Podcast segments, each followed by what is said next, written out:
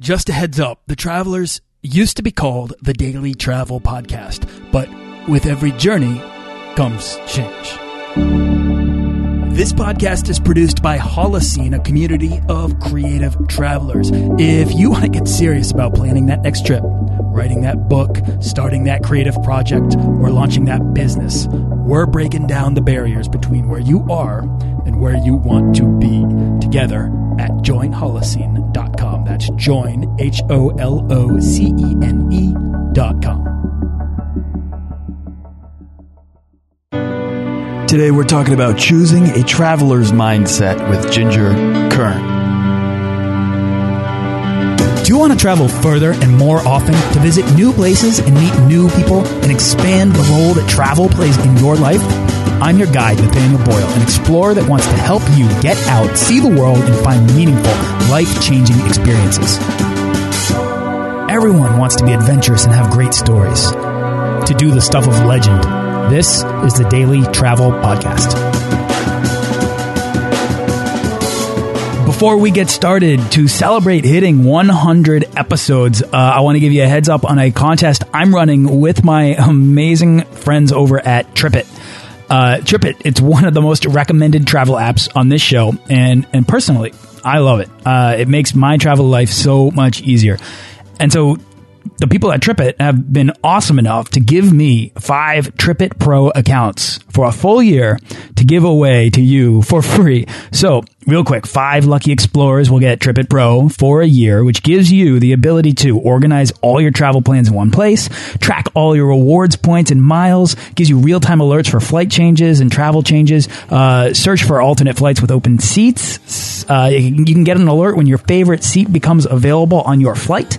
Uh, you can share your itinerary with family. You get Hertz Elite status or number one gold membership, uh, and Regus Business World Preferred membership, which is valued at $450 and gives you access to over 1,700 business centers and lounges around the world. So if you want to win this, go to dailytravelpodcast.com slash tripit. Trip it. That's T R I B I T. Uh, the more you share the contest, the more entries you get. Trip It's awesome, and I, I really hope you enter, uh, and good luck. Today, we're exploring what I mean when I talk about becoming an explorer or taking the mindset of an explorer into everything you do.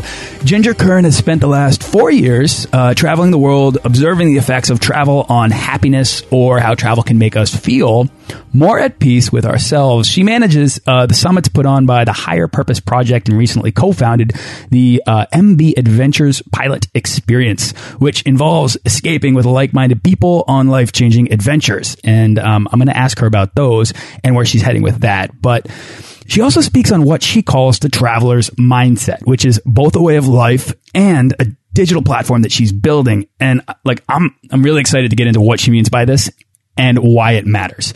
Uh, so, uh, Ginger Kern, what's up? Thanks for coming on the Daily Travel Podcast. Hey, hey, what's up? Thank you for having me. I'm thrilled to, to just kind of espouse uh, your message, get it out there, and really just riff with you on it. Uh, but first, where are you coming from right now?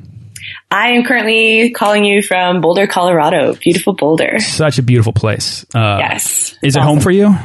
It is now, which is a, a, funny word to use actually, because like you said, I've been traveling or well out of the country for quite some time, and um, yeah, this is the first place where in years I've actually felt like, oh, sweet, I would love to put roots down here. So that's what I'm beginning to do. That's a great feeling, uh, and you know what? That's that's really interesting because yes, you've totally been on the road, and this has been kind of one of those things. It says past four years, but like really one of those things that's been built since you were young, and I want to get into that. So, um, you know, I shared a little bit about you, but if you could just introduce yourself, tell us who you are and how you got started traveling.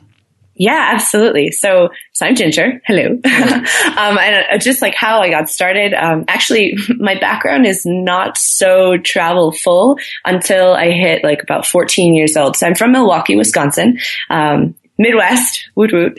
and uh, um, I actually started traveling um, when I was about 13, 14, um, I had a really excellent trip to Italy to visit some German family members. And at that time, I flew by myself over to Munich and traveled down to Italy with them. So at the same time, I was realizing, well, I don't speak any languages. I'm just this little American girl and 14 year old and very, very naive about the world. Um, and it was an awesome, eye-opening, mind-blowing experience um, that really did open my eyes and start that uh, travel addiction. It just sparked it. So how how did it sort of open your eyes? Could you point to like maybe one moment on that trip that really sticks out to you as being the sort of uh, defining moment of both because that that's a formative time for most people right so like i think a lot of people go on that trip and whether it's just a meal or whether it's a day spent out doing something um, mm-hmm. you kind of you kind of get back you return home and you're like man that was that was the moment that i want to continue to get back to over and over again Oh, absolutely. Um, so the thing that came to mind immediately when you asked me that was this feeling of absolute freedom while I was biking at night with my second cousins, just uh, on this tiny, tiny, skinny, narrow little Italian road on the coast of Lake Garda in northern Italy. And the stars were just so bright. The air was fresh. It was summer. It was August. And we were biking to get this wonderful gelato and it was late at night and for me especially like from coming where um with my family with my parents they weren't as like open about letting me just explore and go wherever I wanted to when I was that age. And um, to have that opportunity to just get on a bicycle and and go to this small little town that I had never been before, um, and I didn't speak the language of, um, just to explore and and feel the the breeze and eat the gelato. It was just an amazing feeling. So um, the feeling of freedom definitely comes to mind. I love that. Distill it down into that feeling of freedom because that's kind of what it all comes down to is that desire for greater freedom in your life with your time so that you can kind of optimize the time that you have as that relates then to your happiness, to your fulfillment, whatever, you know, else is out there. Um, exactly. Um, right. So you have this Midwestern upbringing. You catch the travel bug as a teenager in Italy, which I think is just awesome. Um, and it's as if the rest of your big life decisions moving forward have been centered around making travel a bigger priority priority in your life. Um, is that right? Yes. Can you take us through the next uh, big transitions in your life and where that took yeah. you? Yeah, definitely. So that that trip that summer that sparked um, just more than just the travel addiction. I, I, actually wanted to create a life in Europe. Um, I really jived with the European lifestyle and, uh, of course, the culture. And um, I realized, well, because I don't speak languages, uh, I probably don't have a very good chance of finding a job or starting anything over there. So I decided to focus on that in the coming years. Um, so I studied German in high school and continued with that at university. Um, I went to Madison. So if there are any Badgers out there, for us. Awesome. Um, so, so I studied German, a bit of French and a bit of Italian as well. Um, really, it was very, very strategic in terms of wanting to live in Europe. When I graduated, I had no plan other than that. I just figured if I learn languages, I will be okay. And I was. So it was great. Um, I actually, I ended up winning the Fulbright grant to teach English in Germany. Um, graduated, after the summer after graduation, headed directly over there and uh, taught for a year in a very small little middle school in the middle of nowhere in central Germany. Um, and it was idyllic, and I learned a lot. But it also was pretty apparent that that wasn't my highest calling. You know, of course, you have to test something, you have to explore, you have to learn along the way, and that was definitely a huge, huge stepping stone. So um, I'm very grateful for it in particular, the Fulbright grant. And um, from there, decided, okay, so teaching is a skill set, communications is clearly a skill set. What else can I do? I still want to stay in Europe, right? Like that was the mind, the mindset that I had. I still wanted to be there. So I was trying to figure out, okay, well, what's my, what's my leverageable skill set that I could use to prove that I'm worthy to steal, quote, steal a job from a European because you kind of have to prove that um, if you're a non-European Union citizen. And obviously, I'm just an American. So, um, so basically, I was looking around um, very specifically for jobs that required a native English speaker with a fluent knowledge of German, and I applied to two. And I got one of them. And this one was in Frankfurt, Germany for uh, the American Chamber of Commerce. So I worked there for two years um, before heading on to more troubles, but we can talk about that later. Basically, the, the gist of it was I had that goal in mind, creating a life in Europe, got some leverageable skills, namely languages and communications, and uh, and just went for it. Yeah. Yeah. I mean, to really break it down, you just did it. You just did it for me. You did exactly what I was about to say, which is basically that you identified kind of that life of travel that was out there, that this, this, um, to feed this curiosity that you had, and then you identified how you were going to do it. So that's quite simply pick up the skills to do it and then go. And those are two very tough things to do. One, learning the skills, in your in your case, learning languages. Um, that takes a lot of time, and you studied three of them in school. Uh, which is, you know, that's a lot of effort. So um, there's that. But then there's the step of actually going. Now, what's interesting about you, Ginger, is that you seem to not have uh, ever known well i don't want to i don't want to put words in your in your mouth but it's almost as if you you hadn't known differently you, you got a taste of travel at 13 14 and then you were like that's what i want and that's where i'm going and you didn't you you were never found yourself trapped in the cubicle back home you've just kind of deliberately mm. built a life of travel from the outset because that's what you knew that you wanted, right? Exactly. Yeah. And I think that's actually a very interesting point, which I, I think thought about before, but I never really got that, um, that trapped feeling, the, the cubicle trapped feeling. Mm-hmm. mm-hmm. Um, but I did feel a little bit trapped by the United States at the, at that time back then. I don't anymore, of course, because I'm back here. Um, but it was a mental thing and I really wanted to, to break out of my mold and basically explore what I knew to be beautiful and wonderful about the world, mm-hmm. um, and learn along the way. And that's what I did. And so, yeah, it was great. yeah, it's as if you're wired for this sort of thing. And, uh, earlier, you said you know you used as a reason for for continuing your travels. You said you have to learn things along the way. So as if that was going to mm. perpetuate your travels, but that's you know that's not true of everyone. That's not everyone does this. Not everyone would would agree with that. Um, but that is a perfect segue into kind of what your message is all about, which is effectively this um, traveler's mindset, which is you know that's that's the position you're coming from, and clearly that's your mm -hmm. that's your thing, and it's and it's 100 percent what I want people to want out of life, which is to ask the questions and then go seek the answers, right? And absolutely, the more you travel and the earlier you start, the deeper I think you uh, peer into the world, and then when then seek these sort of meaningful experiences and embrace mm -hmm. these complexities that are out there. Um, but I think, anyways, to tie it back into tie it back into you before I go down a philosophy rabbit hole. Um, you know, uh, we'll go there. We'll go there. well, absolutely. So I want to get into like exactly where this concept, well, what the concept of the traveler's mindset is. But take your time getting there. I want to know sure. when, and more importantly, where did the concept come from? Mm. Okay, so to explain that, I think I have to give you more context. Um, Perfect. So I, I, wasn't just in Europe. Um, Although I, I, do believe strongly that Europe is a great starting point for a lot of Americans if you're looking to travel abroad. Um, it's very safe for the most part. You can learn a lot um, and see a lot in a short amount of time because the countries are so close geographically, and the transportation is easy. So, um, so I started there. I got very comfortable there and realized, well, gosh, this is like traveling 1.0. Like, what can I do next? And like, what's the next level? And, and, and discovery wise, what else am I curious about? And it turned out that I was curious about Southeast Asia. And so that I sort of explored for, let's see, um, five weeks for the first time, um, specifically in Cambodia. And I went there again with a purpose. Um, I wanted to explore my inner workings. This was actually before I started the the job at the American Chamber. Um, I wanted to learn how to meditate, which is a very Western goal oriented mentality to come into with. But it was um, one of the things I wanted to do was meditate and um, and have adventures in a country where I didn't speak the language, where it wasn't in my comfort zone. Because up until then, I had really only focused on staying in countries like Germany, France, Austria, Switzerland, Italy maybe a little bit of Spain, um, where at least I could have a grasp of the of the language and be able to communicate with my words and be able to understand. But with Southeast Asia, I was afraid, definitely. Like I, I remember the night before I left for, for Phnom Penh, I could not sleep.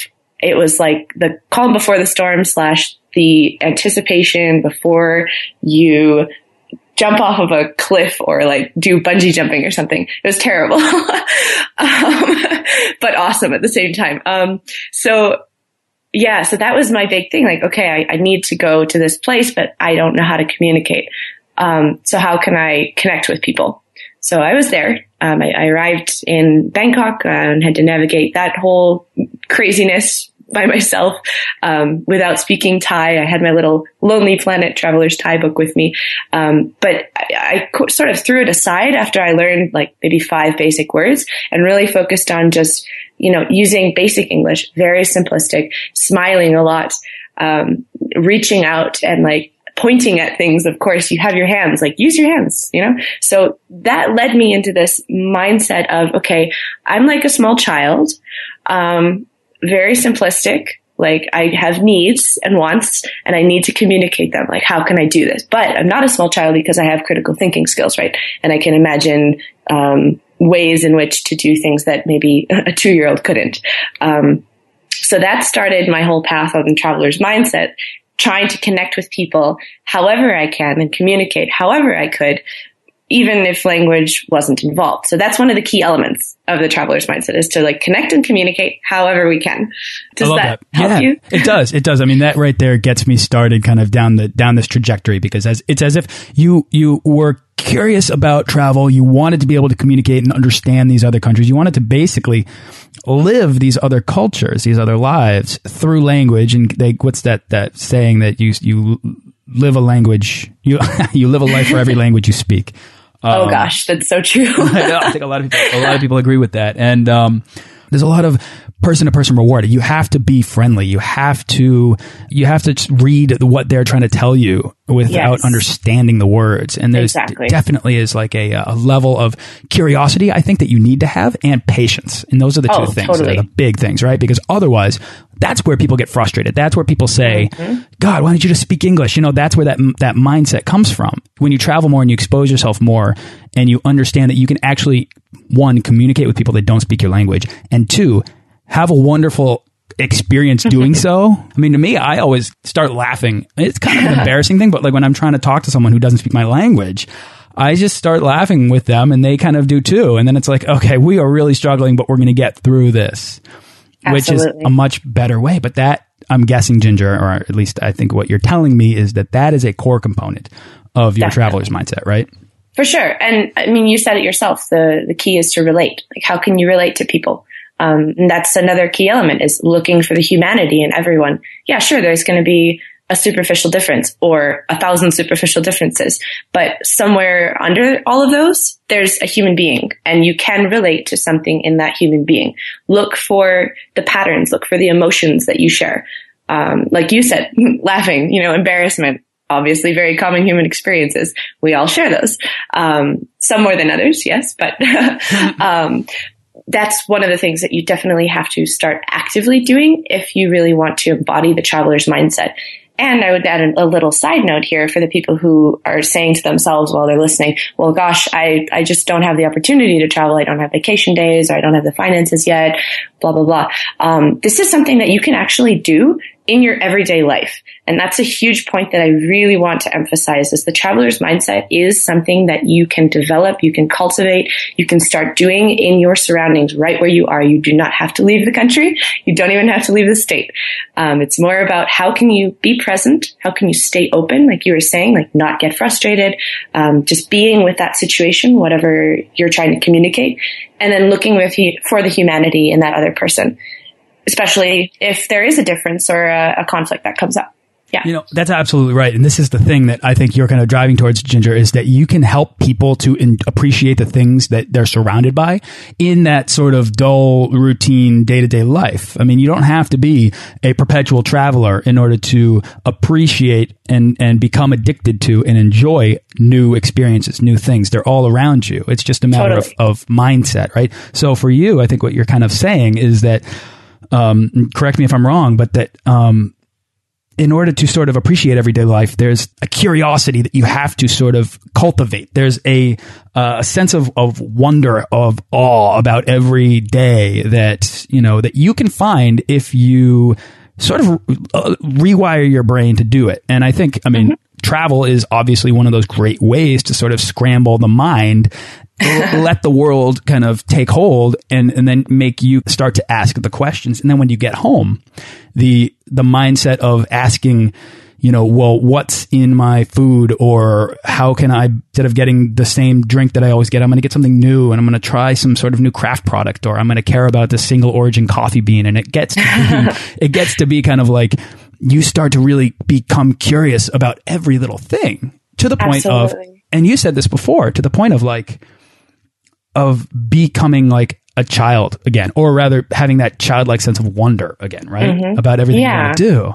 when you do that, you're you're literally finding adventures every day. They might be small adventures, right? So your definition of adventure is probably different than mine, Nathaniel. However, we're finding them, and we're actually finding them because we're looking for them, right? So it comes from within you. Like you are the catalyst. It's not like, oh, all of a sudden my life is going to magically become adventurous. It's no, you become adventurous and then your life becomes adventurous. So it's like that order of things. I love that. Does that make sense? That makes complete sense because I think the more you travel, the more adventurous you become, just inherently. And again, adventure, I say this all the time on this show, but adventure is relative, right? It's relative to what your definition of your own limits are, right? Just push those limits just as far as you think you can go and you'll surprise yourself. And then the next step is to go further, to go beyond, to challenge yourself and to become the best version of yourself.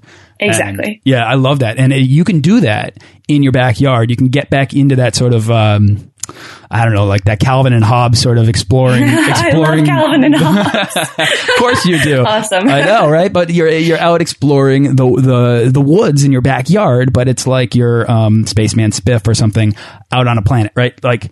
It's Yes. an it's an adventure that's waiting for you right there, and it doesn't have to be this huge thing. It just has to be the mindset, um, and that it's getting back to that childlike sense. And yeah, Ginger, I'm right there with you. So, um, I feel you. Right? Awesome. so where did your curiosity, you know, taking all of this, and I want to get deeper into traveler's mindset too, but where did your curiosity come from? I mean, this is kind of a big question, but would you tie it to that experience of freedom in Italy? Would you credit your parents? Would you say it sort of just sprung from the curiosity that's fed by the effects of travel?